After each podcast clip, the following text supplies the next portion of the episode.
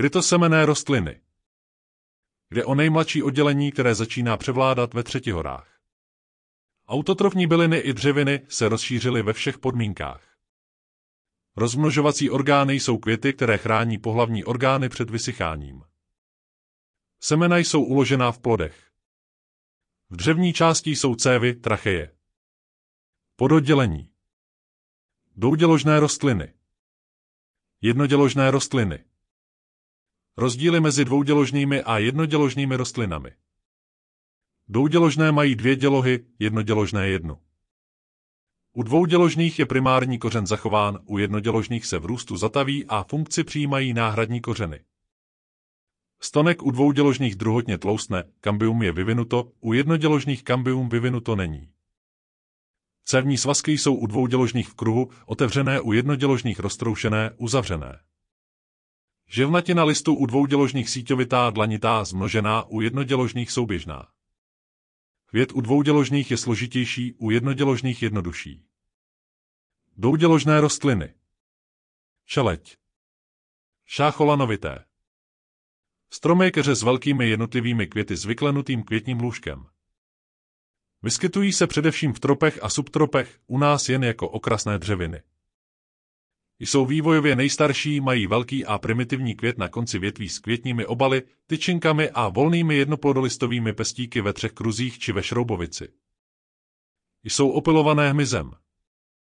Plodem je souplodí měchýřků. Například Šácholan hagnolia. Květy se objevují před listy. Liliovník tulipánokvětý. Velký strom. Květoucí v našich podmínkách až po mnoho let v parcích. Šeleť. Pryskyřníkovité. Převážně vytrvalé byliny. Oboupohlavné květy zdánlivě paprsčitě souměrné, ve šroubovici na vyklenutém květním lůžku. Květní obaly jsou rozlišené na kalich a korunu, někdy jsou kališní lístky zbarvené jako koruní, například orlíček. V květu mají velký počet tyčinek i pestíků.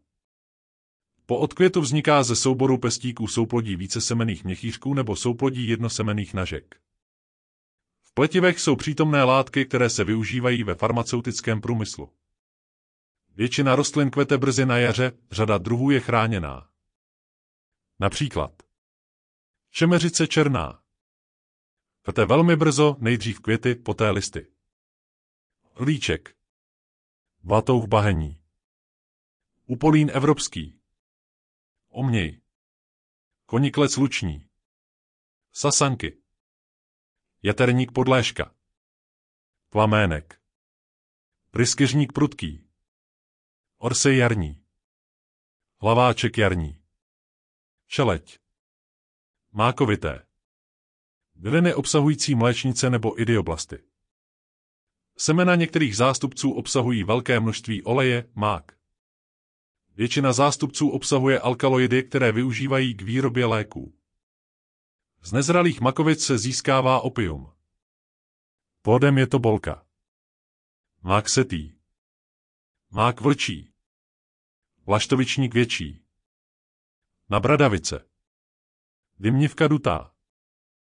Má fialové či bílé květy. Zemědým lékařský. Šeleť. Tykvovité. Plazivé popínavé byliny. Jednopohlavné květy. Plodem je bobule. Výskyt v tropech, subtropech. Lubenice obecná. Vodní meloun. Dýně meloun. Dýně okurka. Tykev turek. Původem z Ameriky obrovská. Dýně patison. Dýně cuketa. Šeleť. Brukvovité. Byliny s jednoduchými listy. Květy dvoučetné. Jsou oboupohlavné, skládají se do hroznovitých květenství, v květech jsou medníky, které produkují nektar. Plodem je šešule, šešulka, struk nebo naška. Mají bílou, žlutou nebo světle růžovou barvu květů. V pletivech jsou idioblasty obsahující štěpivé enzymy a štiplavé silice, které dávají rostlinám charakteristickou chuť a vůni. Většina hospodářských rostlin. Chřen selský. Řeřišnice luční. Tařice skalní. Brukev zelná. Odrůdy jsou kapusta, květák, kedluben, zelí hlávkové. Brukev řepka olejka. Řetkev setá. Pravá řetkev má bílé dlouhé vakovité kořeny, řetkev řetkvička má malé, červené, kulaté kořeny. Řetkev hořčice. Řetkev ohnice. Kokoška pastuší tobolka. Šeleť. Růžovité. Dřeviny méně byliny. Listy mají párovité palisty. Květy jsou pětičetné, buď jednotlivé, nebo drobnější uspořádané v květenství. U některých srůstají květní části a vzniká češule. Plodem je měchýřek, naška, peckovice či makovice. Za prvé. Podčeleť. Tavolníkové. Tavolník. Keř. Udatna lesní. Bylina vysoká až 2 metry. Za druhé. Podčeleť. Růžové. Růže šípková. Plodem je souplodí nažek v šípku. Ostružník křovitý. Ostružník maliník. Krvavec toten. Řepík lékařský. Kontryhel obecný. Kuklík městský. Jahodník obecný plodem je souplodí nažek na zdužnatělém květním lůžku. Ovna husí plazivá. Za třetí. Podčeleť. Slivoňové. Jsou vyšlechtěné ze slivoně. Vodem je peckovice.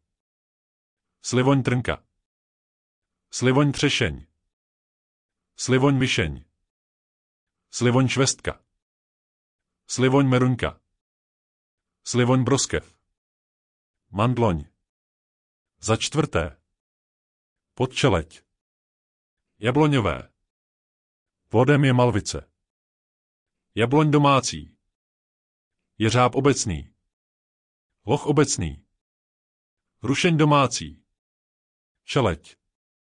Bobovité. Byliny výjimečně dřeviny. Některé listy jsou přeměněny v úponky. Květy mají jednotnou stavbu. Za prvé. Pět korunních lístků, jedna pavéza nahoře, dvě křídla po stranách, člunek uprostřed. Za druhé. Deset tyčinek a to devět srostlých a jedna volná. Za třetí. Velikost květů a uspořádání je přizpůsobeno svým opilovačům. Nejčastějším plodem je lusk. Na kořenech jsou lískovité bakterie, které váží vzdušný dusík a přeměňují ho na dusičnany. A. A. Vícniny.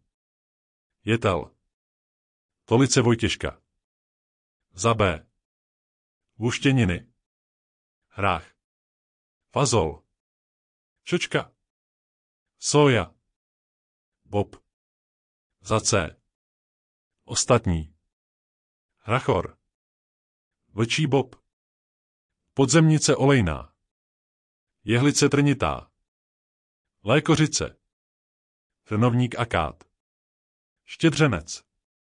Šeleť. Lilkovité. Byliny s jednoduchými listy. Plodem je bobule nebo tobolka.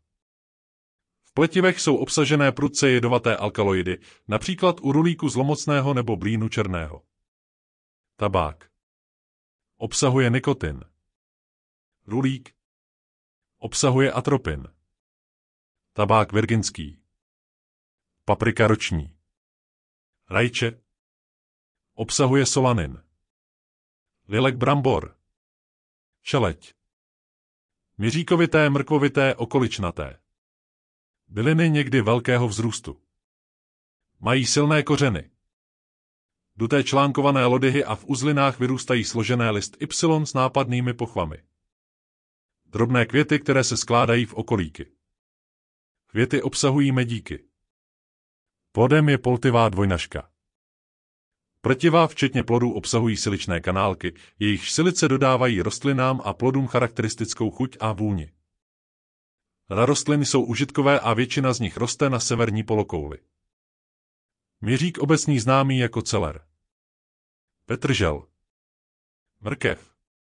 Kmín. Fenikl. Bedrník obecný. Bršlice kozí noha. Bolševník velkolepý. Vysoký jedovatý nesahat. Bolehlav plamatý. Jedovatý. Šeleť. Věznicovité složnokvěté.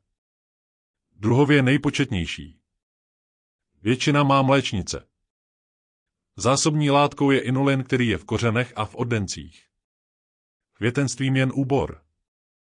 Mají dva typy květů a to jazykovité a trubkovité. Podčeleť. Vězdicové. V úboru uvnitř květy trubkovité a na okraji jazykovité. Slunečnice. Jiřinka. Kociánek. Protěž. Sedmikráska. Men. Řebříček. Heřmánek. Kopretina. Peliněk. Lopuch. Bodlák. Chpa. Devětsil. Podčeleť. Čekankové. Mají vyvinuté mléčnice jen jazykovité květy. Čekanka. Jestřábník. Smetánka lékařská. Vocika zahradní. Šeleť. Krtičníkovité. Byliny s jednoduchými, někdy redukovanými listy. Jsou často parazitické nebo saprofitní.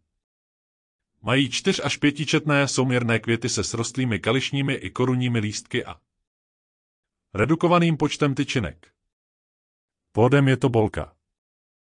Podbílek šupinatý. Černý šrolní. Rozrazel rezekvítek. Divizna velkokvětá. Náprsník velkokvětý. Šeleť. Luchavkovité.